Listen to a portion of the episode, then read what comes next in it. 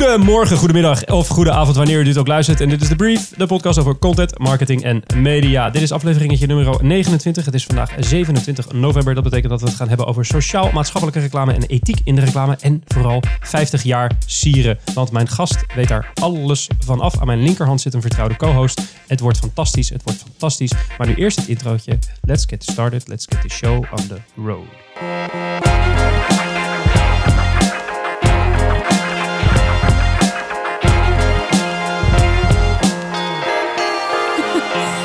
This is the brief.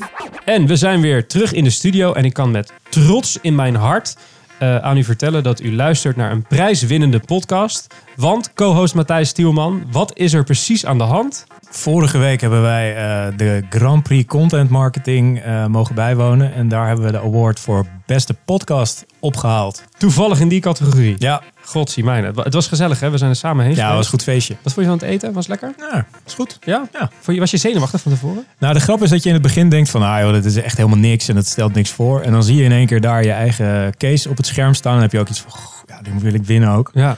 En dan hoor je in één keer van dat je hebt gewonnen. En dan eh, ja, is toch wel even Ja, een weet je, weet je niet wat je meemaakt. Ja. Eenzaam, eenzaam, eenzaam aan de top. Heb je nog eh, goede content gezien de afgelopen twee weken? Jazeker, ik heb eh, weer zitten Netflixen. Dat is bijna elke keer zo. Maar nee, ik heb gisteravond heb ik de documentaire Saving Capitalism gekeken op Netflix. En die zou ik je echt wel willen aanraden. Ehm, ik bedacht me ineens dat Frank een paar weken geleden, of een paar uitzendingen geleden, Inequality for All heeft getipt die volgens heb ik mij. nog gezien. Nou, dit is van dezelfde man, van Robert Reich, die eh, een belangrijke positie had in ehm, de regering van Bill Clinton. Eh, visionair econoom. En die eh, ja, is eigenlijk tot de conclusie gekomen dat het kapitalisme in Amerika kapot is. Eh, dat grote bedrijven in principe bepalen wat er gebeurt daar in het land. En dat de middenklasse daardoor ja, heel groot in de problemen komt, vooral financieel. Ehm, en deze documentaire ja, gaat hij Amerika door om eh, met mensen te praten. Dus je ziet echt de, de, de verhalen van de straat. En eh, ja, een heel mooi vervolg op de tip die Frank ook al gegeven had. Dus Ja. ja. ga het zien. In die vorige tips zaten heel veel van die mooie infographics, dingetjes, animatietjes. Ja. Was dit weer... eh, Ja, zelfde stijl. En, en ja, die Robert Reich is gewoon een, een briljante man. Het is zo'n bevlogen spreker. En, en ehm, ja, gewoon een onwijs slimme man. En eh, mooi gemaakt. Eh, feestje om naar te kijken. Het duurt uur en een kwartier of zo. Dus het is ook niet dat je je hele avond kwijt bent. Ga het kijken. Je komt er eh, als beter mens uit. Kijk eens, kijktip. Hoe heette die nog een keer? Saving Capitalism. Saving Capitalism op Netflix. Helemaal goed. Aan mijn rechterhand zit zoals iedere aflevering de gast. Dat is dit keer een dame in 1997. De oprichter en managing director was al jarenlang van de combinatie van factoren. Maar is sinds een aantal jaar, 2014, eh, eh, al directeur van Sieren. Lucie van der Ham. Hallo. Hi, hoe is het Hi. met je? Heel goed. Heel goed. Ja, Ik moet jullie feliciteren, want jullie bestaan 50 jaar. ja. Wij bestonden 30 augustus 50 jaar. En hebben dat uitgebreid gevierd op eh, 30 oktober. Ja, ik zag, Ja. Ik zag was, eh, was de koning, die was opkomen draven, hè? De koning was er ook. De koning- Werd ook 50 jaar dit jaar. Ja, en Ja. de koning op bezoek bij Sieren vond ik wel grappig, eh, grappig gevonden. Ja. Heb je moeten uitnodigen of kwam Ja. die... eh, Ja, die, die ga je formeel uitnodigen. Oké. Via een brief, met een brief aan het Koningshuis. En dan ga je zeggen, wilt u alstublieft komen op ons feest? Ja. Want dat vinden we goed en leuk en belangrijk dat u er bent. Het is wel een momentje als je hoort dat hij ook echt komt. Dat, eh, Dat is heel spannend. Je weet het nooit van tevoren. Ja. Je weet ook niet precies wat je dan moet aandragen, wat voor argumenten. Maar eh, we hebben ons altijd in de belangstelling van het Koninklijke Huis mogen verheugen. Ja, Dus we hadden al eerder Maxima en Margriet is geweest en Klaus. Ja. Dus eh, dit was wel een soort van kroon op ons werk. ja, het wordt wel tijd voor een koninklijke titel dan, denk ik ook. Nee, dat kan pas als je 100 jaar bestaat. Oh, kunnen ze die niet tussendoor, eh, zo, dat ze zeggen van, joh, doe de... We gaan het proberen. Ja, dan gaan we het proberen. Lijkt me, heel, lijkt me helemaal goed. Gaan we straks later over praten. Niet over die koninklijke titel, wel over Sieren en over de DDMA. Want daar zit je ook. Gaan we straks meer over, eh, meer over praten. Maar gaan we eerst even naar het nieuws. Want er is natuurlijk een hele hoop gebeurd de afgelopen twee weken.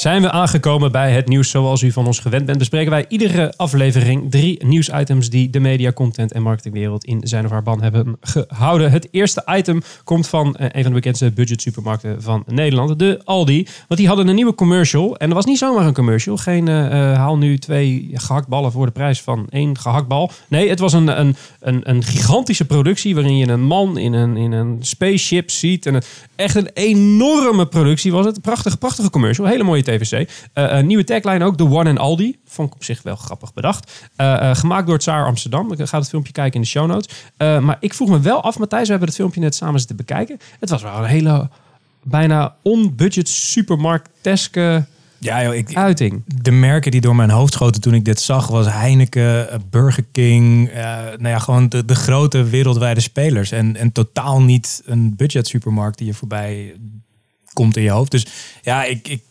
weet het niet zo goed eigenlijk wat ze hiermee willen. Gaan ze herpositioneren? Moet Albert Heijn zich zorgen gaan maken dat Aldi binnenkort langskomt? Of Ja. ik heb geen idee. Ik, ik, ja, hij zit natuurlijk in een aantal landen. Misschien dat het elders een andere lading heeft of zo. Maar ik vond, een, ik vond het wel een heel mooi, eh, mooi filmpje. De, de product, ik zeggen. Zeker. Ja. Door, het, eh, door het dak. En Lucie, heb je hem gezien toevallig? Nee, helaas. Oké, als, je, als ik het zo omschrijf aan je, groot bijna speelfilm-eske beelden en dan de Aldi erbij. Voelt dat? Ja, nou ja, nee, het voelt niet zo. Maar goed, Lidl is natuurlijk ook al een paar jaar op die tour met kerst. Ja.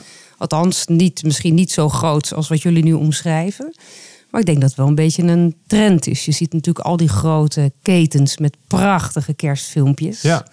Dus Ja. misschien is dat wel een beetje de trend. Ja, ja, en ze zullen ook iets moeten doen nu al de folders, eh, tenminste in ons grote Amsterdam, eh, is eh, volgens mij de regeling er doorheen dat ze geen foldertjes meer mogen dumpen in, Ja. eh, in de Ja. brievenbus. Dus ze moeten iets doen om een beetje aandacht te vestigen. En misschien is dit wel het startschot naar een wat bredere decembercampagne, waar later ook weer binnen hetzelfde thema allerlei aanbiedingen voor je hoofd worden gegooid. Eh desalniettemin, Saar Amsterdam, zeer mooi filmpje, complimentjes. Eh, eh, benieuwd wat er nog meer gaat komen. Eh nieuwsitem nummer 2 van deze aflevering. Matthijs, daar raakte jij een beetje van in de war, vertelde jij. Ja, dat, ik voelde me ineens echt heel oud worden. Dit is een artikel in het NRC en dat had de titel Waarom een goede Instagram tag zo belangrijk is voor tieners.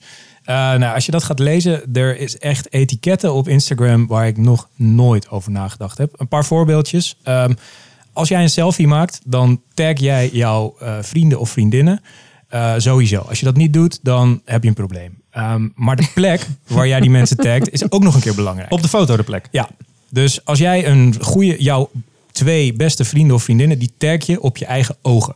Dat zijn de meest belangrijke posities die je kan doen. Eh, dan heb je nog de mond. Daar moet je mee oppassen, want dat doe je alleen maar bij iemand eh, waar jij eh, nou ja, een, een, een liefdesverhouding mee zou willen of hebt. Dus je potentiële vriend, vriendin. Ehm, je kunt mensen ook nog in de hoek van de foto taggen. Dat is gevaarlijk, want voor je het weet is je vriendschap voorbij. Dat is echt, dan zit je op het randje van ik vind jou niet meer aardig, ik geef je nog één kans. En eh, dat, dat is echt een ding. Ehm, ja, het is echt bizar hoe dit werkt. Eh, het liken van een foto, dus gewoon een hartje geven, dat betekent eigenlijk helemaal niks. Dat betekent, eh, iemand liked jouw foto, ik heb hem gezien. Dat is het enige, dus dan moet je niet heel veel likes. is Dus ze niks waard. lijken alles wat ze, wat ze tegenkomen. Ja, ja, het is gewoon ik, nou ja, van mensen waar jij dan een relatie mee hebt, een vriendschappelijke relatie. Ehm, maar ja, dan heb je ook nog commenten. Eh, commenten is ook heel belangrijk. Eh, gemiddeld comment je ongeveer negen keer op een foto van een vriend of vriendin van je. Op Waarom dat? dezelfde, op dezelfde foto? Ja. Zij neemt, hij of zij neemt de moeite om jou te taggen. Dan wel op de ogen of ergens in de hoek. Maar dan ga jij dus commenten. Want hoe meer comments jij hebt, hoe hoger jouw eh, status is. Je, jij kunt dus niet je vrienden voor schut laten staan met een post die maar vier comments heeft. Nee, dan ga jij dus comments onderzetten. Want hè, je, je, je helpt je vrienden. Zo moet je het zien. Maar negen per persoon. Ja. Maar dan zit je soms toch gewoon een gesprek met jezelf te voeren. Eh, Mooie nou. foto, je hebt echt gelijk. Degene die hierboven echt gelijk. Nou ja, ga maar eens lezen. De gemiddelde eh, post, daar staat dan onder van... jij moet echt model worden of eh, knappie. Of, of je hebt ook nog de emojis, zijn ook belangrijk. Bij je beste vriendinnen doe je hartjes. Ja, dat is logisch. En een, hoe, hoe noem je zo'n ding? Zo'n smiley met hartjes in zijn ogen. Die heb je. Of kusjes, dat soort dingen. Ehm, mensen die je wat minder goed kent, die hebben er ook... Daar heb je ook weer dingen voor. Vlindertjes, geloof ik. Vlinders. Ja, en er was er nog één, maar die weet ik niet meer. Bloemetje. Bloemetje, vlindertjes. Bloemetjes en Ja, vlindertjes. dus als iemand jou een bloemetje en vlindertje geeft, dan betekent dat ehm, je hebt potentie, maar je bent er nog niet, zeg maar. Snap je? Hey, en dan nu natuurlijk de hamvraag. Hoe doe jij het op Ja. Instagram?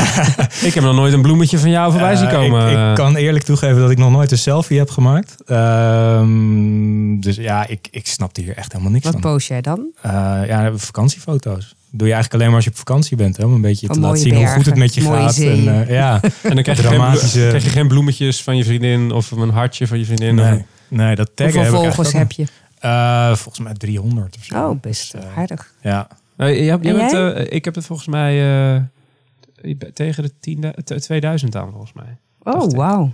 Ja, ja zo'n podcast, dat is echt... Uh, die komen bij bosjes op je af, hoor. Het is echt, Ja. echt niet normaal. Maar Zit jij op Instagram? Nee. Nee? Heb, je, heb je kinderen die op Instagram zitten? Zeker. Herken je dit taaltje? Ja. Ja? Ja, ja, ja. Praat Ja. je daarover, mensen? Of Ja, ja, ja, zeker, zeker. Maar goed, in dit geval had mijn dochter net een nieuwe profielfoto. Dat doen ze ongeveer elke week op Facebook gezet. En dan is het natuurlijk wel heel erg belangrijk hoeveel likes en comments je krijgt. Inderdaad, die comments zijn heel belangrijk. Die likes, ja.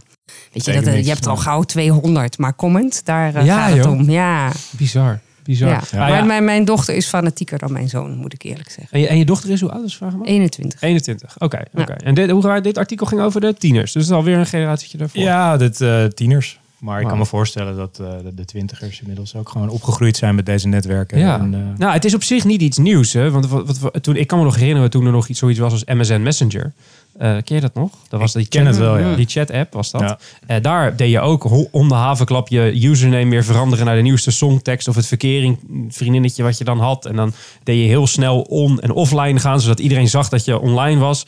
En dat was ook een soort van status eh, dingetje of zo. en of toen was het ineens in om alleen maar je voornaam te doen. Dus ging iedereen weer heel normaal doen. was echt, ja, daar moest ik wel een beetje aan denken. Alleen het lijkt me wel heel ingewikkeld om het zo in je leven te moeten toepassen. Ja, het is bijna een fulltime baan lijkt me. joh. Ja, nou gelukkig hebben ze niet zoveel andere dingen te doen. Daar hebben we ook een campagne over gemaakt. Hè? Ja, over dit specifieke ding? Nou, nee, wel over, over de druk die social media oplegt. Ja, dus de, Mensen. dus het combinatie van het, het, het verlenen van je, of het ontlenen van je status aan de hand van je gedrag op social media, dat dat gevaarlijk is. Ja, nou niet alleen social media was het trouwens. Hoor. Het was eigenlijk de vraag, voor wie doe jij het eigenlijk? Ja. Eh, Doe jij dingen in, je, in het leven omdat, je, omdat het echt belangrijk is voor jouzelf? Of doe je het voor de bühne? Ja, dit is een best wel een recente eh, Ja. eh, Ja. campagne volgens mij. Heb ik hem Ja. voorbij zien komen. Hoe werd erop gereageerd vanuit de doelgroep? Heel goed. Ja? Ja. Snapten ze, snapten ze wat er... Nou ja, de, de, de doelgroep was natuurlijk heel breed. Het was natuurlijk van, eh, van mensen die banen hebben die, waar ze niet blij van worden, maar goed mee verdienen, maar in, in de tussentijd tegen een burn-out zitten. Tot aan ouders die hun kinderen pushen om eh, op vioolles te gaan, terwijl die echt veel liever wil voetballen. Tot aan eh, kids die op social media zitten. En trouwens niet alleen kids, ook volwassenen. eh, die alleen maar de hele dag daarmee bezig zijn. Ja, daar, dit is een hele, daar werd heel goed op gereageerd. Ja. ja. Het is volgens mij zeker voor ouders ook een super actueel onderwerp. Je ziet het voor je ogen waarschijnlijk gebeuren. Hoe zo'n scherm eh, zo'n kleine leven helemaal, overneemt. eh, helemaal consumeert. Ja, dat is best wel een, eh, best wel een belangrijk ding. Dat is goed om te horen dat dat, eh, dat, dat het goed is gevallen. Hey, het laatste nieuwsitem van deze aflevering eh, eh, draait om een eh, ja, journalistiek instituut. Hè, Matthijs, Time Ja. Inc. is overgenomen. Is dat officieel? Is Ja. er al een strik omheen? Ja, het nieuws werd vanochtend gebracht volgens mij. En een paar minuten later werd al bekendgemaakt dat het officieel rond was. Ja. 2,8 miljard, geloof ik. Geen geld. Nee. Geen geld. Uitgever van Time, Time Magazine, onder andere, ik weten jullie natuurlijk. En, en Sports Illustrated. ehm, eh, en nog een hele hoop andere dingen. En, en die zijn dus gekocht door Meredith. Dat is een, een, eh, andere lifestyle-uitgever. Ehm, eh, waarom is dit nou zo boeiend? Want er worden wel vaker mediabedrijven over gekocht. Ondanks dat dit echt zo'n instituut is. Nou, wat een beetje een raar verhaal hieraan is. Is dat de, het overnamebod mede mogelijk gemaakt werd eh, eh, door de Koch brothers. En dat is niet C-O-K-E, maar K-O-C-H. Eh, en de Koch brothers, dat zijn de leiders van Koch Industries. Dat is een hele grote oliemagnaat. Dat is het ene grootste bedrijf van de Verenigde Staten dat nog in particuliere handen is.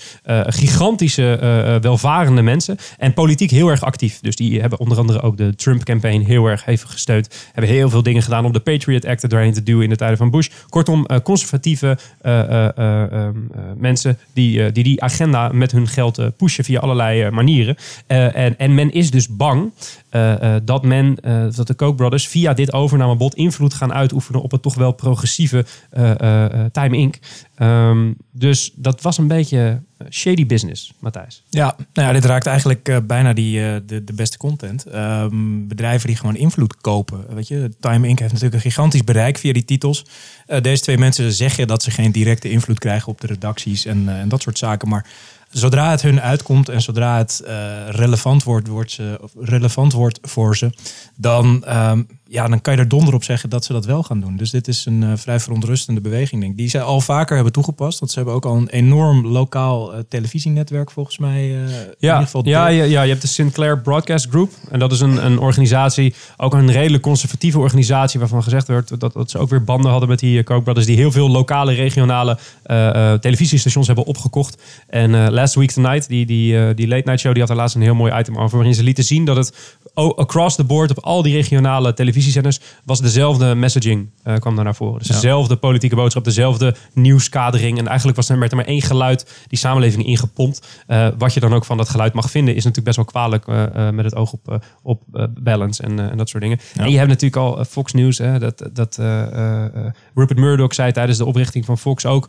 dat hij absoluut geen redactionele invloed zou gaan uitoefenen op het hele gebeuren. Nou, we kunnen toch wel vaststellen dat het ook niet helemaal gelukt is. Nou ja, objectieve media is gewoon bijna niet meer te vinden, lijkt wel. En ehm, volgens mij als reactie hierop gaan zenders als CNN en eh, NBC... die gaan zich juist veel radicaler democratisch gedragen. Dus het is, ja, er is geen...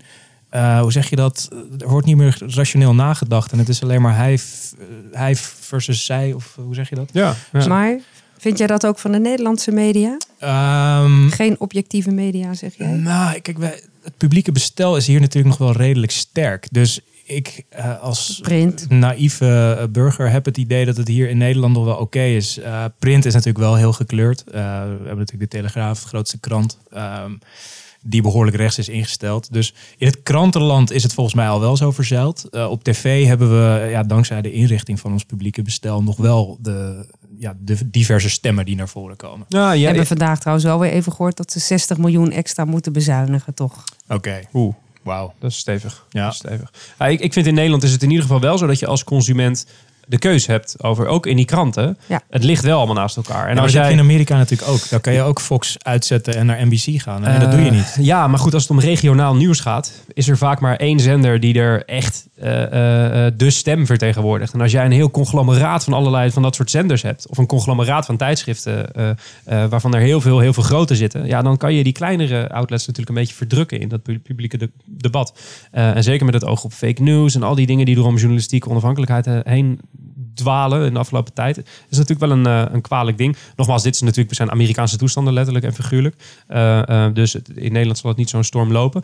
Ik was wel benieuwd ehm, eh, of jullie bij Sieren of die fake news discussie, die nu ook in Europa een heel klein beetje gang begint te krijgen, of dat een thema is waar jullie af en toe aan denken om dat aan de kaak te stellen. Dus het, de manier hoe mensen nieuws consumeren, dat men daar goed op moet letten. Nou, kijk, fake nieuws staat natuurlijk letterlijk heel veel in het nieuws. Ja, ja. Hè, er is zelfs nu, eh, eh, hoe heet hij? Gert-Jan Zegers gaat zich er zelfs mee bezighouden, nieuwe minister. Ehm, en als er al ontzettend veel aandacht is voor een onderwerp, en dat is al heel erg belegd, tenzij we een hele goede reden hebben om daarvan af te wijken, dan doen wij het dus niet. juist. Dus er is al zoveel aandacht voor fake nieuws, dat eh, wij ons dan afvragen, ja, wat gaan wij nog toevoegen aan deze discussie? Is, is het voor die maatschappelijke ophef ooit ter tafel gekomen bij jullie? Of is het iets Eh, wat er... nou, wij hadden een, ehm, een dingetje, zeg maar. Wij hebben eh, met die voor wie campagne als aftrap, als aftrap hebben wij de Good Life Agency. eh, Oh, ja, dat weet ik. gelanceerd. Dat weet ik, ja. ja. en eigenlijk, ja, wij, wij zijn daar op een of andere manier intuïtief heel goed in. Eigenlijk ontstond die week die hele discussie over dat nepnieuws. En eh, er is ons natuurlijk ook gezegd van ja, de Good Life Agency was eigenlijk ook nepnieuws. Ja. Wij hebben gezegd nee, het is een sociaal experiment. Maar als je het zuiver bekijkt, is het wel iets wat we hebben gedaan wat niet waar bleek te zijn. Ja. En wij hebben toen wel gezegd van nou oké, wij vinden in het kader van maatschappelijk belang, hè, als dit voor een commercieel product zou zijn geweest, hadden we het nooit gedaan. We hebben toen gezegd, nou we vinden het verantwoord om dit te doen. Juist.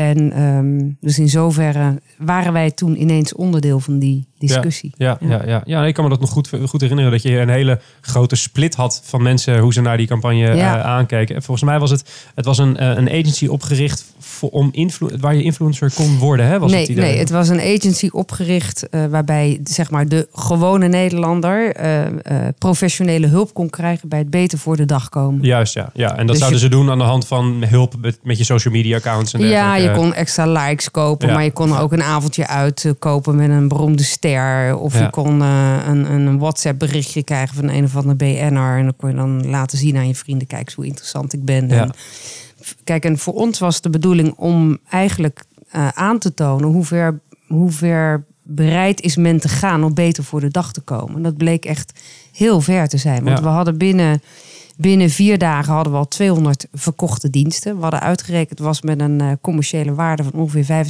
25.000 euro. En we hadden 200 aanvragen ervoor, binnen vier dagen. Ja.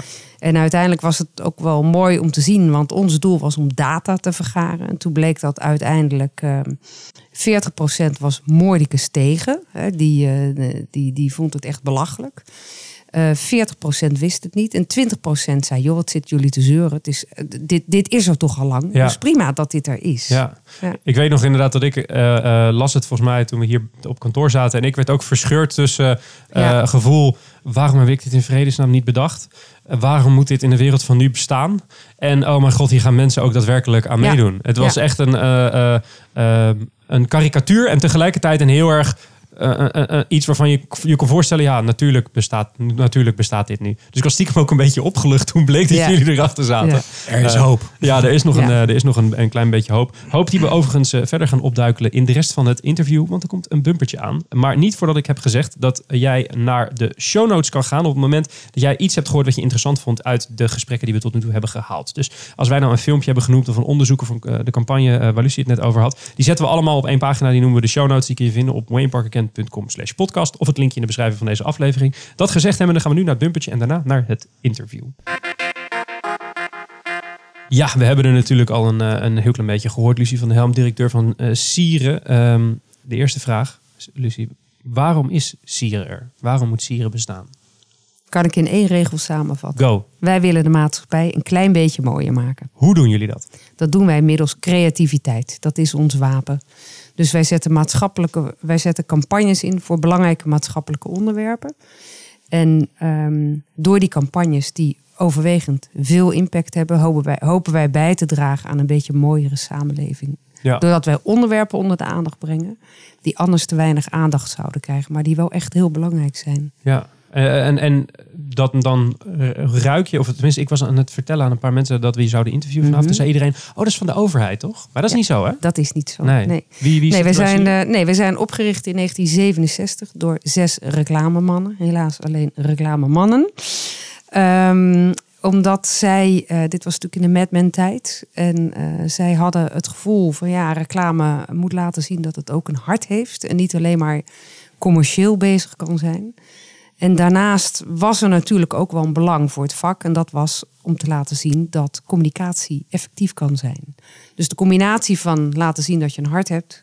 En dat communicatie heel effectief kan zijn, was de reden om Sieren op te richten. Ja. 50 jaar geleden, privaat initiatief. Ooit begonnen met één dagbladadvertentie.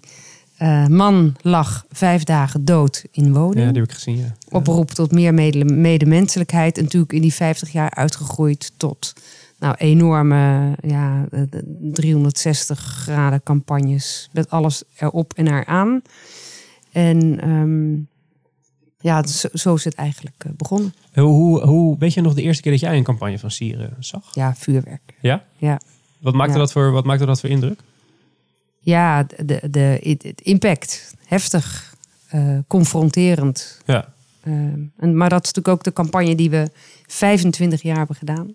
Ja. 15 keer herhaald. Niet elk jaar, maar 15 keer herhaald. En dat is ook de campagne die echt, ja, daar kent ook bijna iedereen eh sieren van. Ja. Is hier, bestaat hij nog steeds? Komt hij dit jaar weer om de hoek kijken? Nou, we hebben hem in 2004 overgedragen aan de overheid. Dus Ja. hij is er nog wel. Vorig jaar was bijvoorbeeld Beam. Dat is wat, eh, de, de, volgens mij zit het account bij Gray. En, ehm, maar wij doen hem niet meer. We hebben hem overgedragen aan de overheid. Heb, Ja. heb je dan ook, eh, je zit er nu, even kijken, dus in 2014 ben je natuurlijk 3,5 gekomen, jaar. drieënhalf jaar. Eh, zat je dan net voor, eh, heb je die vuurwerkdiscussie nogal een beetje meegekregen, denk ik? Of was dat toen al? Vuurwerk bedoel je naar aanleiding van de ramp? Nee, Nee. ehm, eh, ik, heb het, ik heb de indruk dat nu het publiek af, afsteken van vuurwerk, dat dat steeds minder en minder en minder wordt. Dat je Mhm. steeds meer steden hebt die wat groots doen. En Ja. daarom proberen mensen wat minder vuurwerk af te laten steken. Ik was benieuwd of je dat dan ziet als een over, bijna als een soort overwinning. Maar Nou, ik denk dat eerlijk, eerlijk gezegd is dat volgens mij een voortvloeisel, voortvloeisel uit eh, de maatschappij die steeds minder risico wil nemen. En ik denk dat dat daar ook een beetje mee te maken Ja. heeft. En de, de vuurwerkcampagne heeft absoluut bijgedragen in het veranderen van gedrag. Ja. Dus dat, dat jongeren voorzichtiger omgaan met vuurwerk. En dat ouders zich zeer bewust zijn van. Hè. In mijn tijd had ik echt nog geen vuurwerkbril. Weet je wel, zo'n. En tegenwoordig staan al die kids met die vuurwerkbrillen op. En moeten ze aansteken met sterretjes en niet meer. eh, Dus ja, daar is echt wel een kentering gekomen. Ik, ik was benieuwd hoe die ideeën eh, tot stand kwamen. Want het zijn natuurlijk vaak ideeën die een beetje schuren. Ik kan me ook Ja. van die vuurwerkcampagne nog herinneren dat die eerst heel met best wel expliciete beelden ook eh, eh, was. Meestal. Ja, ja. Ja. Eh, ehm, hoe komen dat soort ideeën tot stand? Ehm, je bedoelt voor de Dus, campagne of voor de- ook, de- ook voor de thema's die je wil, De thema, ja. oké. ja. Eén keer per jaar organiseren wij een weidedag met het bestuur. Het si- Het Sierenbureau is klein, zijn maar drie mensen. Daarnaast hebben wij een heel groot bestuur, 16 man, die allemaal eh, om niet eh, eh, vier jaar aan de slag gaan. Wij, wij noemen het ook een echt werkbestuur. En één keer per jaar komen we met z'n allen bij elkaar. En dan gaan we onderwerpen bedenken. Dan pitcht elk bestuurslid op een onderwerp. En we krijgen daarnaast ook van buitenaf onderwerpen aangereikt. Dus mensen die een idee hebben, overigens ook luisteraars van de brief, mogen ons een, eh, een onderwerp aanreiken. Kan je gewoon naar info.sieren.nl. Of het linkje die- in de beschrijving van deze podcast. Ja. Ja, dat is ook prima. Eh, en dan, eh, dus, dus die onderwerpen die van buitenaf komen, dat zijn er veel. Hè. Dat- is ook mooi om te zien dat de maatschappij daar dan toch mee bezig is. Nou, die worden ook ingestuurd en hebben inmiddels een formatje voor ontwikkeld. Omdat het, om het makkelijk te maken. Van wat je onderwerp, wat het belang en wat wil je bereiken met het onderwerp. En eh, nou, dat, dat brengen we dan ook in die dag. Dan ontstaat er een soort van idolsachtige discussie. Gaan we met elkaar in debat. echt de leukste dag van het jaar. Want dan heb je het echt over inhoud, inhoud, inhoud. En aan het eind van de dag komen er zo'n nou, vijf tot zes, zeven onderwerpen blijven over. En die gaan we aan Nederland voorleggen. En dan gaan we onderzoeken in drie categorieën. Voorleggen doe je dan via marktonderzoek. Ja, marktonderzoek. Ja, representatief marktonderzoek. Dan gaan we eigenlijk één vraag stellen. Vindt u dat Sieren voor dit onderwerp een campagne moet maken? Nou, dan wordt het pas echt interessant. Want als 90% zegt nee, dan moet je het misschien juist wel doen. Dus je kunt je voorstellen, we noemen dat een issue-meting. Als die, eh, eh, als die uitslag er eenmaal is, dan gaan we natuurlijk weer met elkaar in discussie. En dan gaan we kijken, ja, eh, op, op basis van welke criteria gaan we eh, bepalen welk onderwerp we doen. Heb je, heb je een voorbeeld van zo'n campagne die ehm, werd aangedragen vanuit het publiek, wat jullie als organisatie zijn er totaal niet zagen aankomen? Ja, nou wat heel leuk was, is in eh, volgens mij toen wij, moet ik even snel rekenen, 40 jaar bestonden, hebben we een campagne gedaan. En toen heeft eh, Richard Kemper heeft eh, een, eh, een onderwerp eigenlijk ingebracht. Want het was een onderdeel van de campagne. Hè. Mensen mochten zelf onderwerpen inbrengen. En hij, hij heeft het op radio uitgesproken over eh, kinderen van ouders in een scheiding. En dat is uiteindelijk in 2011 is die campagne realiteit geworden. Dat is een van onze beste campagnes ooit Ja, geworden. Met de kindjes met de Ja. tatoeages op hun... Ja. Op hun eh, Kinderen. Ja, ja de, de, de, stonden de kreten van de dingen die de ouders tijdens een vechtscheiding hadden gezegd, stonden dan getatoeëerd. met- Ja, prachtig. Prachtig. En, en is het ook wel eens eh, eh, gebeurd, je noemde net van, nou soms vindt 90% van Nederland, nou doe maar niet, en dan doen we het wel. Heb je daar een voorbeeld van? Waar, Nou, bijvoorbeeld die jongenscampagne. Hè, geef jij, laat jij jouw jongen genoeg jongen zijn.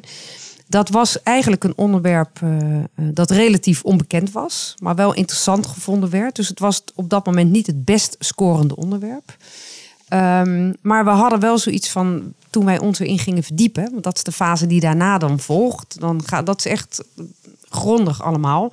Dan gaan we met wetenschappers praten, met experts, eh, met media. Gewoon, we gaan ons echt, eh, eh, we doen eh, grondige research. En op dat moment ehm, ehm, kom je erachter, kwamen wij erachter dat, dat die jongens, ja, dat was gewoon echt wel een, een belangrijk onderwerp. En dan ook een heel interessant onderwerp, omdat de wetenschap het er niet over eens was. En op die manier was, was het voor ons de keuze, nou, het is een onderwerp dat nog relatief onbekend is, maar het is wel een onderwerp met een enorme potentie, zoals wij het noemen, omdat daar gewoon een heleboel kanten aan dat debat zaten. Dus klein, maar interessant. En er is echt iets aan de hand. Hè? Er was echt iets aan de hand met die jongens, want die zijn structureel aan het onderpresteren. Dat was niet eenmalig, maar dat is een trend aan het worden. En toen ineens dachten we, nou oké, dit is gewoon echt een goed onderwerp. En toen we met wetenschappers gingen praten, toen wisten we het zeker.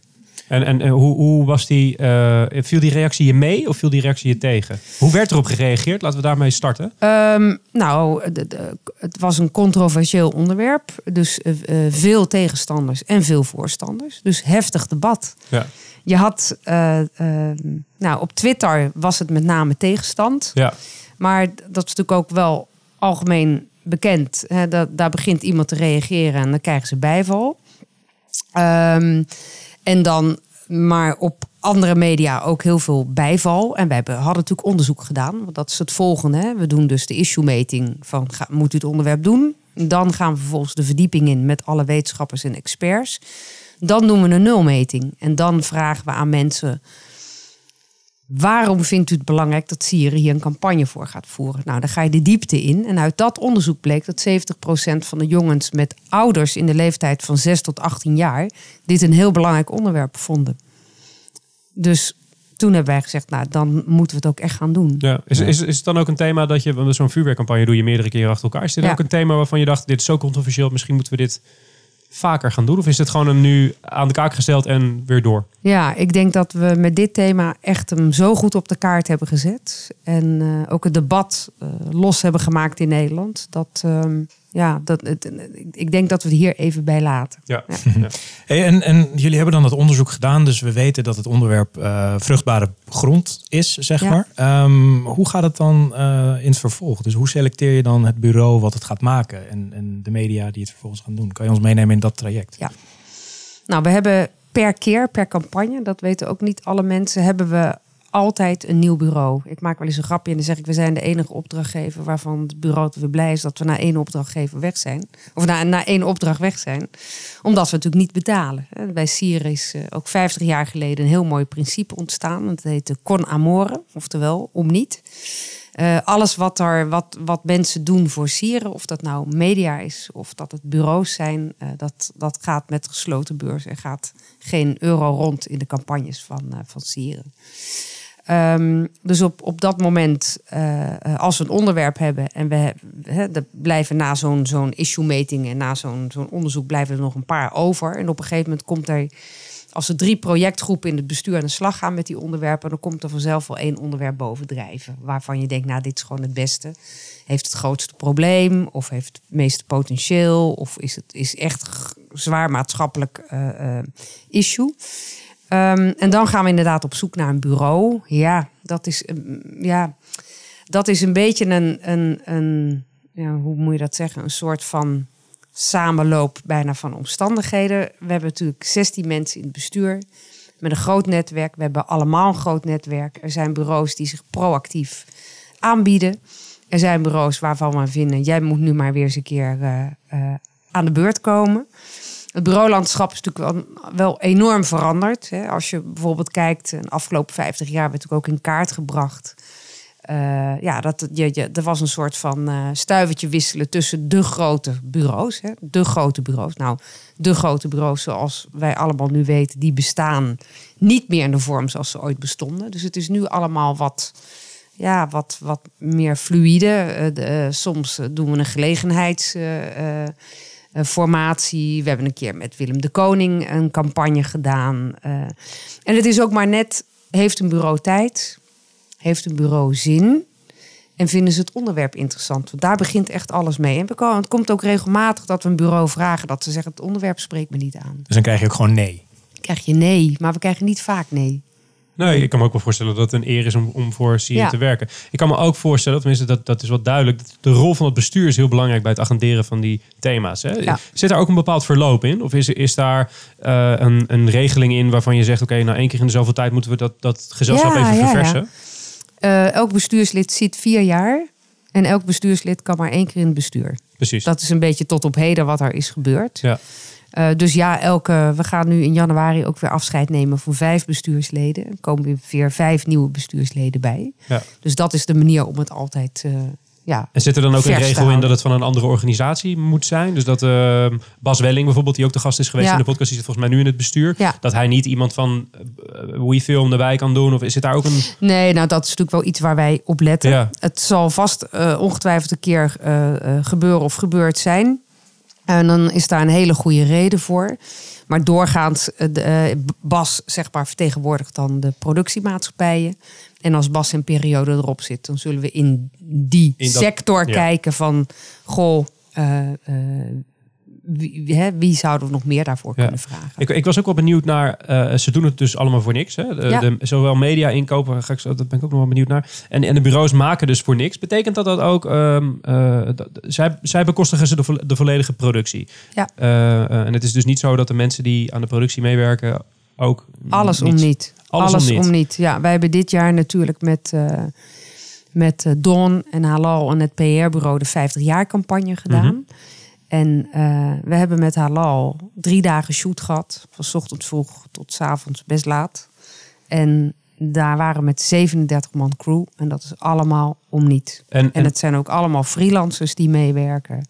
Het is, het is, ja, het is eigenlijk bizar Ja. om, om je voor te stellen Want dat ik- het allemaal kan. Ik kan me wel voorstellen dat voor een, ehm, een halal eh, is het natuurlijk, eh, weet je, de, de, de PR die je ermee haalt, de dingen die je kan maken, daar zit een waarde voor hun, denk ik. Ja. Los van het feit dat je bijdraagt aan het maatschappelijk thema, wat me ook be- belangrijk lijkt. Maar voor die crewleden, eh, wat lager in de keten, bedoel ik niet oneerbiedig, maar de, Mhm. mm, de best boy of de, de gaffer of de, de, visagie, de visagie bijvoorbeeld. Ja. Wat, wat is het dan puur die ma- maatschappelijke betrokkenheid die zij eruit halen waarom ze mee willen werken? Of De, eh, ja, nou ja, kijk, ik kan zeggen dat is wel zo. Ook, de, ook er, ik, ik vind niet dat iemand laag en hoog op die in de hiërarchie staat. Nee, iedereen je- draagt. je- Ja, ik begrijp wat je bedoelt. De, de een krijgt meer aandacht dan de ander. Exact. We proberen natuurlijk wel iedereen aandacht te geven. Dus op onze site staat iedereen genoemd.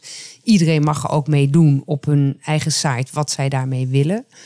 Maar ik denk dat eh, er wordt door eh, journalisten vaak gevraagd van ja, ja, bureaus doen alleen maar mee omdat ze de prijzen mee kunnen winnen. Maar toen zei ik ook laatst tegen een Volkskrant-journalist: je had erbij moeten zijn die drie dagen eh, dat wij de, de, de, de shoot hadden. Daar was zo'n soort van, hoe noem je dat? Zo'n soort gevoel van saamhorigheid. En dan zie je gewoon dat mensen het ook echt doen vanuit een goede hart. Want waarom zou je anders drie dagen in je vrije weekend eh, voor Sieren aan de slag gaan? Ja, ja nee, ik denk, ik denk ook zeer zeker dat de, eh, de PR secundair is eh, eh, ten opzichte. Want ik denk dat je de tijd eh, en de energie ook kan steken in dingen die een stuk lucratiever zijn dan Ja. gratis PR via Sieren. Dus het is ook ergens helemaal niet te rijmen dat ze het alleen maar daarvoor zouden doen hoor, in die zin. Nee. Ehm, eh, eh, ik was wel benieuwd of, of, of er in het buitenland jullie. ik las dat jullie zijn opgericht eh, terwijl er in Amerika was er al een organisatie, de Advertising Council. Die, Ja. die doen een beetje het vergelijkbaar en aan de hand daarvan is Sieren opgericht. Ja, klopt. Eh, Ja. zijn er, hoe, hoe staat het in de rest van Europa's? Zijn er een soort van buitenlandse zusterorganisaties die Nee. dit ook doen? Nee, er is, eh, eh, voor zover wij weten, is er alleen een ad council in Amerika opgericht na de Tweede Wereldoorlog.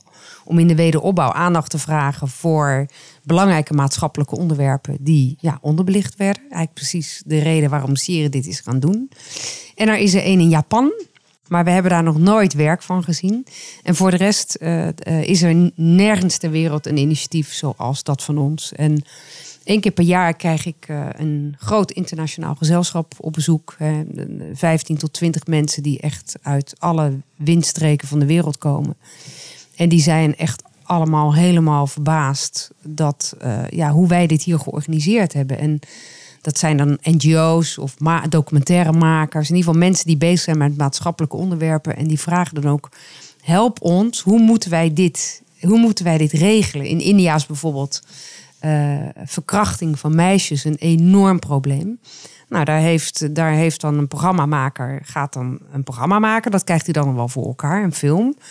Dan gaat hij naar de zenders en die geven dan gewoon geen thuis. En dan is de vraag, hoe krijgen jullie dat voor elkaar? En dan is toch het antwoord, ja, dit is natuurlijk 50 jaar investeren in een relatie en in een goede samenwerking. eh, hebben wij dit opgebouwd. Dit is niet overnight gedaan. Ja, z- zegt dat iets over het, eh, eh, bijna het, e- het ethisch kompas van de Nederlandse reclamewereld? Is het, het- hebben wij gewoon meer het gevoel dat wij daar iets moeten bijdragen aan de maatschappij dan collega? Nou, ik weet niet of je daarmee dan andere landen wegzet alsof ze dat dan niet zouden hebben. Ik denk dat wij Misschien zou je moeten zeggen het geluk hebben gehad dat eh, zes mannen in 1967 zo wijs waren eh, en een voorzienige blik hadden. Want eh, elk zichzelf respecterend bureau, maar ook überhaupt opdrachtgevers tegenwoordig natuurlijk met, met MVO bezig, met, met de maatschappij. Ja. Je kunt bijna geen product meer kopen zonder maatschappelijk relevant te zijn. Dus ik denk dat wij gewoon het geluk hebben gehad dat eh, eh, deze zes mannen het zijn begonnen. En dat we dat met z'n allen hebben uitgebouwd met hele goede besturen, goede directeuren uit het verleden. Ja, zie- denk je dat, denk je dat in de toekomst, eh, als dat gevoel maatschappelijk relevant te zijn voor bureaus en ook voor merken, denk ik trouwens, eh, eh, dat het steeds groter wordt, dat het misschien wel eens een toekomst zou kunnen worden zonder sieren? Dat bureaus en, en klanten dat een beetje individueel gaan doen? Of is daarvoor een maatschappelijk thema te abstract en niet commercieel genoeg? Nou, ik denk dat. eh, eh, jij stelt hem nu zo op deze manier. Ik krijg ook wel eens de vraag: zien jullie dat dan als concurrentie? Hè? Want er Dat wordt zou ook kunnen. Ja, zo- zou ja. kunnen. Nou, dan, ten eerste is, is, vinden wij, je, er, kunnen niet, er kan niet genoeg aandacht zijn voor maatschappelijke onderwerpen. Want de maatschappij is natuurlijk ontzettend veel complexer geworden ten opzichte van 20, 30 jaar geleden. Dus dat juichen we alleen maar toe. Dus opdrachtgevers, maar ook eh, bureaus is helemaal prima. Eh, en het grote voordeel wat Sieren heeft, is natuurlijk toch onze positie eh, en het netwerk wat wij in 50 jaar hebben opgebouwd. Het feit dat alle media-exploitanten om niet ook meewerken. Dus dat was volgens mij ook een vraag van jou. Eh, ja, alle media doet ook mee. Of je het nou hebt over online, outdoor, radio, tv. En jullie hebben ook best wel ehm, ja, goede plekken, prime time, Ja, wat je gewoon ja, krijgt. En weet je, je ziet wel eens de, goede doelen, die zijn dan 's ochtends om 11 uur. Maar jullie hebben altijd echt de, de mooie plekken ook in de Ja. reclameblokken. Absoluut, absoluut. En, en ja, er is, er is gewoon een heel groot commitment. Ook vanuit die media eh, naar Sieren toe. Daar zijn we natuurlijk eh, ontzettend dankbaar voor. Ja. Is dat, is dat iets waar, ik kan me voorstellen, kijk, eh, Sieren is, is ook voordat ik de reclame in was, is, is een instituut. Hè? Dat is gewoon Ja, is een merk. Loekie, Postbus 51, zie zo'n statuur, zo'n bekendheid, zo'n vanzelfsprekendheid bijna. Merk je dat, moet je er aan de mediazijde aan blijven trekken? Of is het, is het een vanzelfsprekendheid bij de media-aanbieders om, om, om plek te reserveren voor de boodschappen van Sieren? Combinatie van beide. Ten eerste is het vanzelfsprekend. Ten tweede hebben wij binnen het bestuur een, eh een mediabestuur, dus een bestuurslid eh, belast met mediazaken. En hij is ook degene, en overigens ook weer samen met mensen uit zijn organisatie, eh, die daar die het contact ook onderhoudt met media. Dus het is, een, het, het, het, is het allebei. Je onderhoudt contacten. de contacten dateren al van lang terug. En ja, het zijn gewoon goede relaties. Ja. Ik zag ook dat jullie door heel veel merken gesteund worden in de vorm Ja. van donaties. Ja. Eh, eh, mag, mag, je hem nog, mag je nog een keertje pitchen? Waarom zou ik dat doen als merk zijnde? Wat heb ik eraan? Het zijn overwegend merken die eh, zelf heel actief zijn. gewoon die, die veel communicatie bedrijven in Nederland.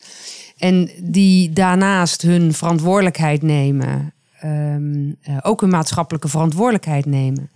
Omdat zij, denk ik, Sieren een goed instituut vinden. Als een soort van, noem het maar, een verzamelinstituut.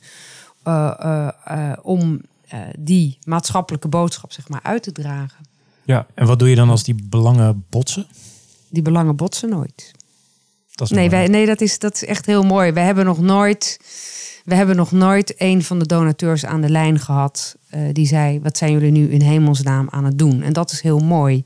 Enerzijds is Sieren natuurlijk eh, eh, onafhankelijk, omdat we niet afhankelijk zijn van de overheid. Anderzijds hebben wij donateurs. Eh, maar die donateurs die bemoeien zich nooit inhoudelijk met, eh, met de themakeuze. Maar wat wij wel doen, hè, we hebben een zogenaamde Club van 14. Daar eh, kunnen eh, Nederlandse iconische bedrijven lid van worden. Dat zijn, de, de, het zijn er inmiddels overigens 16 eh, die sieren voor wat langere perioden steunen met een grotere donatie. Nou, die komen één à twee keer per jaar bij elkaar. En dan inspireren we deze mensen met een hele goede spreker. En op die manier proberen we ook echt een beetje het clubgevoel, zeg maar, ehm, ehm, ja, te realiseren. Ehm, maar weet je, doorgaans zeggen mensen gewoon: ja, ik vind het gewoon een fantastisch initiatief. En ik draag daar gewoon heel graag aan bij. En realiseer je dat als je bijvoorbeeld eh, Unilever heet, of je heet KPN, of je heet Postcode Loterij, dan is natuurlijk dat geld wat je aan Sieren geeft, is natuurlijk maar een klein, klein bedragje ten opzichte van het totale budget wat er besteed wordt. Ja. Ja. ja, en ik kan me ook We hebben voorstellen... natuurlijk ook niet zoveel geld nodig. Nee, en ik kan me ook voorstellen dat... Nee, exact. En ik kan me ook goed voorstellen dat je als merk zijnde niet gaat doneren... als je al in je achterhoofd hebt dat er een risico bestaat... dat Sierige tegen iets gaat ageren waar jij voor staat. Dat, dat zou een heel naïef zijn van een merk om het zo te, eh, eh, zo te doen. Eh, Lucie, kijkend naar 2018, het komende jaar... ehm, wat zit er aan te komen voor Sieren... waar de maatschappij nog geen weet van heeft... maar wat jullie op de kaart gaan zetten? Kan je daar al een heel klein beetje iets van... Ehm, nou, we, we hebben eigenlijk door de drukte met eh Sieren 50 jaar... hebben we onze Weidedag dit jaar laat gehad in september. En eh, op dit moment is dat nog niet helemaal duidelijk. Want we gaan de issue-meting met elkaar nog bespreken. Er zij is weer gepitcht in september. Oké. En eh, er zijn nog eh, een onderwerp of drie A4 die zomaar zouden kunnen. Ehm, wat wij in ieder geval zien, maar dat is meer een beetje in algemene zin, is dat, eh, kijk, de onderwerpen re- reflecteren altijd de tand des tijds. En je ziet de complexe maatschappij ook wel terug in de pitches van de, van de, van de bestuursleden. Maar concreet zeggen, daar gaan we het over doen, dat, dat is nu echt te vroeg daarvoor. Is er een onderwerp wel eens geweest in de afgelopen paar jaren dat elke keer maar weer omhoog kwam en waarvan de organisatie heeft gezegd, nee, dat is niet, eh daar gaan we niet. eh. Ehm, ja, ehm, dat is het, eh, het onderwerp eh, eh, levenseinde, dus zelfbeschikking. Ja. Ja. daarbij lang en vaak en veel over gediscussieerd. Ja. En al jaren, en al jaren is het er niet van gekomen, omdat het onderwerp is snel politiek of religieus. En daar proberen we toch van, proberen we weg van te blijven. En is dat omdat daar moeilijk een absolute waarheid in of een concessie in te vinden is? Is dat eh, de reden? Ja, ja. Maar we hebben bijvoorbeeld ook, eh, we hebben een keer een onderwerp gedaan over kinderobesitas. Ja. Dat is lang geleden. En eh, twee jaar geleden is het onderwerp obesitas in algemene zin weer voorbij gekomen. En het is een ontzettend lastig onderwerp. Want als je mensen gaat aanspreken op hun verantwoordelijkheid ten aanzien van obesitas, ga je voorbij aan mensen die er niets aan kunnen doen. En dan is reclame soms best ingewikkeld. Want als je een boodschap zou maken voor die mensen, bedoel, die andere mensen bereik je ook. En sieren kan af en toe wel hè, die steen in de vijf of steen door de ruit gooien. Maar we willen nooit mensen opzettelijk kwetsen. En nou, dan sneuvelt zo'n onderwerp. Juist. Ja. Juist. Ik, eh, dat dat, dat eh, kan ik me heel goed voorstellen. En ehm, je had het net al over die vuurwerkcampagne. En dat blijft een beetje in mijn hoofd zitten. Want dat is volgens mij een van de weinige campagnes die jullie achter elkaar hebben herhaald. Hè?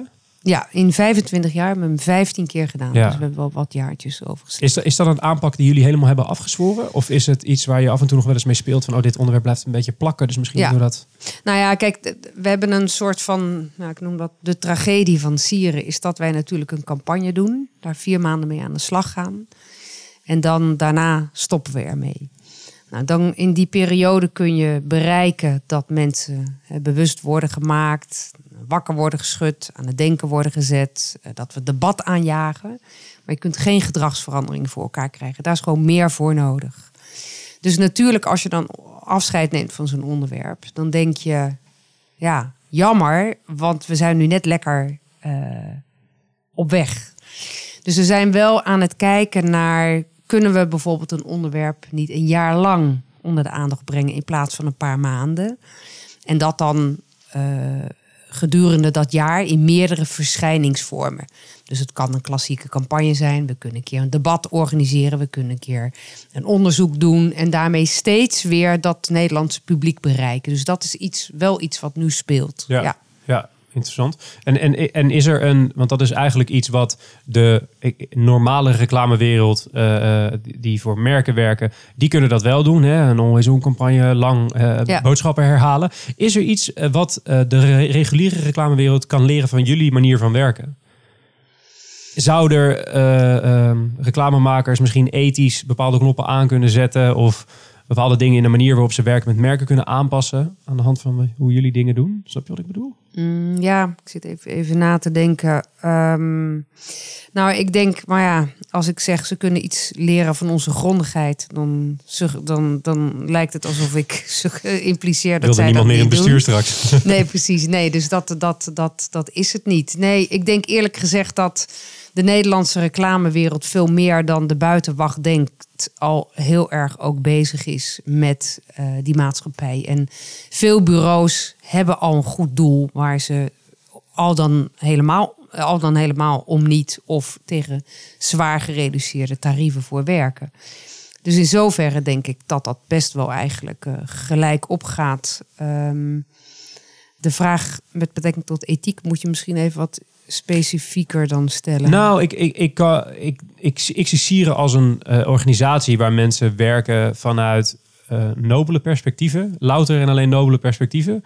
Uh, waarbij bij reguliere bureaus misschien het geld nog wel eens te veel de overhand neemt. Mm -hmm. En daarmee bepaalde ethische vraagstukken een beetje voorbij schiet. liegen op verpakkingjes, dingen dikker aanzetten. Ik dacht mm -hmm. misschien heb je daar iets over, maar ik zie heel vragend kijken. Dus denk... Nee, nou nee, maar dan heb je het over het algemeen, ja. over ethiek in de ja. reclame. Ja, nou ja, ik denk, um, ik denk over het algemeen, kijk, reclame is natuurlijk uiteindelijk voortgekomen toen de massa-industrie op gang kwam. En toen was het ook in plaats van persoonlijke verkoop, want tot op heden was het allemaal persoonlijke verkoop, vonden we de reclame uit. Um, en wij hebben, we leven nu eenmaal in een kapitalistische maatschappij, waarbij het, uh, uh, ja, waarbij het economische model uh, ja, is gewoon het model waarvoor we gekozen hebben. Dat betekent dat er bedrijven zijn in de wereld die geld moeten verdienen. Um, en als je geld wil verdienen, dan, dan heb je natuurlijk producten die je aan de man wil brengen. En daar heb je dan reclame voor nodig. Um, dus ik denk dat Um, ja, dat, dat, dat in het verleden mm, en misschien nu ook nog wel eens af en toe op een manier gaat dat je denkt van ja, is dat ethisch voldoende? Aan de andere kant, we hebben natuurlijk in Nederland zijn we best goed ingericht. We hebben uh, de overheid die regels stelt ten aanzien van uh, wat reclame wel en niet vermag. We hebben, um, we hebben zelfregulering. Hè. Er zijn natuurlijk hele sectoren die zelfregulering afspraken met elkaar hebben om ervoor te zorgen dat het toch vooral maar goed blijft gaan. Um, en we hebben ook nog een keer de reclamecodecommissie, die er als een waakhond bovenop zit. En we hebben nou ook nog iets anders, en dat is namelijk de Nederlandse consument. En sinds wij natuurlijk internet hebben, kun je als bedrijf zijnde... Je kan je niet meer verstoppen. Nee, je kunt je niet meer verstoppen. Dus ik denk dat daar die vier dingen bij elkaar... is natuurlijk een behoorlijk groot reinigend vermogen. Ja.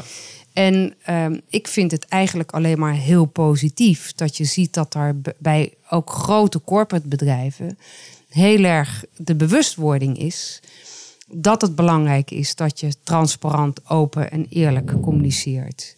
En wat mij betreft kan dat hand in hand gaan. Je kunt en geld verdienen, want we, we leven nou eenmaal in een markteconomie waarbij verdiend moet worden op producten. En je kunt tegelijkertijd ook gewoon goed bezig zijn. Ja, een mooie, een mooie balans. Ja. Uh, ik, ik, zie dat het uur is echt voorbij gevlogen, werkelijk waar. We hebben altijd een vaste slotvraag aan ons interview. En dat is, wat is de beste content die je hebt gezien de afgelopen paar, uh, paar weken? Wij dachten dat het misschien wel gewoon leuk is om uit die 50 jaar uh, Sieren gewoon één campagne te pakken. Waarvan jij zegt, nou, als je één ding op gaat zoeken na het luisteren van deze aflevering van de Brief. Ga die campagne kijken, want dat is zo goed, zo fantastisch. Ga ik niet doen. Nee? Nee. Heb je wat anders? Wat nobel? Ja, ja. nou ten eerste zijn er ontzettend veel campagnes die ik heel erg goed vind. En dan zou ik ook mensen tekort gaan doen, dus dat ga ik gewoon niet doen. Er zijn er misschien wel 15, 20 waarvan ik denk, wow. Um, dus nee, de, de, alle sierencampagnes zijn echt de moeite waard. Dus ga maar even kijken. We hebben trouwens een hele mooie nieuwe website. Actiesite, ja, zag ik. Ja, ja, ja sieren.nl. Ja, prachtig, prachtig. Ja, ja, ja, zag er mooi uit. Ja, ja, ja. Is ook trouwens gemaakt. Het is wel heel erg leuk. Is gemaakt door Borno 5 in samenwerking met Ego Tribe. Ook allemaal weer om niet. Dus echt weer fantastisch. Um, maar er zijn twee dingen waar ik jullie even op wil uh, attenderen. Ik ben een enorme lezer. Ik lees heel graag. Ook ouderwetse kranten vind ik echt niets heerlijker dan lezen. Maar ook correspondent Blendel, Follow the Money. Ik hou van lezen. Maar eh, dit zijn toevallig twee dingen die ik, eh, ja, zeg maar, bewegend beeld wat ik heb gezien. Dat is eh, de documentaire Alicia.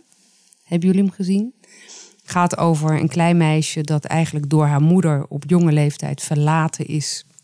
Ehm, en in, stiefgezin, of in, in pleeggezinnen terechtgekomen is. En van hot naar her, van te huis naar te huis. En dat meisje is gevolgd een, een paar jaar.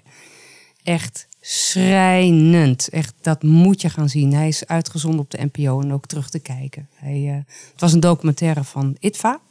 Die vond ik erg mooi, erg aangrijpend. Mijn vrouw heeft de trailer gezien en die zat toen ook keihard te janken. Ja, Dus, ja eh, het is echt, het is, het is zo mooi gemaakt, zo knap gemaakt. eh, en ik kijk nu natuurlijk ook naar hele andere dingen. Hè. Ik, ik zal niet zo heel gauw commerciële campagne zeggen, nou dat was echt het allerbeste wat ik heb. Ik kijk met een andere blik nu. Ja.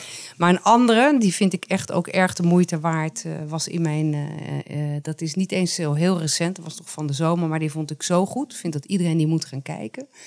En dat heet de Inequality, de Gender Inequality Paradox. Hij is van de NRK, de Noorse tv. En ga die maar eens even kijken. Daar, daar doe je enorm je licht op ten aanzien van de onderbouwing van de jongenscampagne ten aanzien van nature en nurture. Ga maar eens kijken. is echt spectaculair, inhoudelijk. Eh, en het zet je zo aan denken aan het eind. Welke is het beste voor het, voor het slapen gaan? Want dan weet ik ook vanavond nog gaan kijken. Nou, ze zitten allebei, ze allebei niet echt, niet echt eh, heavy stuff. Helemaal, helemaal goed. Nou, bedankt voor je komst naar de studio. Viel het mee of viel het tegen? Nou, het is omgevlogen. Het is omgevlogen. Ja, snel, hè? het gaat enorm Nou, snel. Kom, kom snel een keer terug, dan babbelen we verder. Want er Ja, komt eh, leuk. 2018 eraan, de komende 50 jaar komen eraan. Dus we- Absoluut. we gaan, het, eh, we gaan jullie nog eh, heel veel eh, terugzien. Eh, dat betekent dat we aan het einde zijn gekomen van het interview. Zoals gezegd, heb je iets gehoord in deze aflevering? Eh, check dan eventjes de show notes, want er staan alle referenties in. Dan gaan we nu nog eens onze enige echte rubriek. Maar eerst even dit. Deze podcast is een initiatief van Wayne Parker Kent. En bij Wayne Parker Kent zijn we altijd op zoek naar talenten die ons kunnen versterken. De openstaande vacature van deze week is Junior Ad Operations Executive. Kijk voor alle vacatures op wayneparkerkent.com slash jobs of klik op het linkje in de show notes van deze aflevering.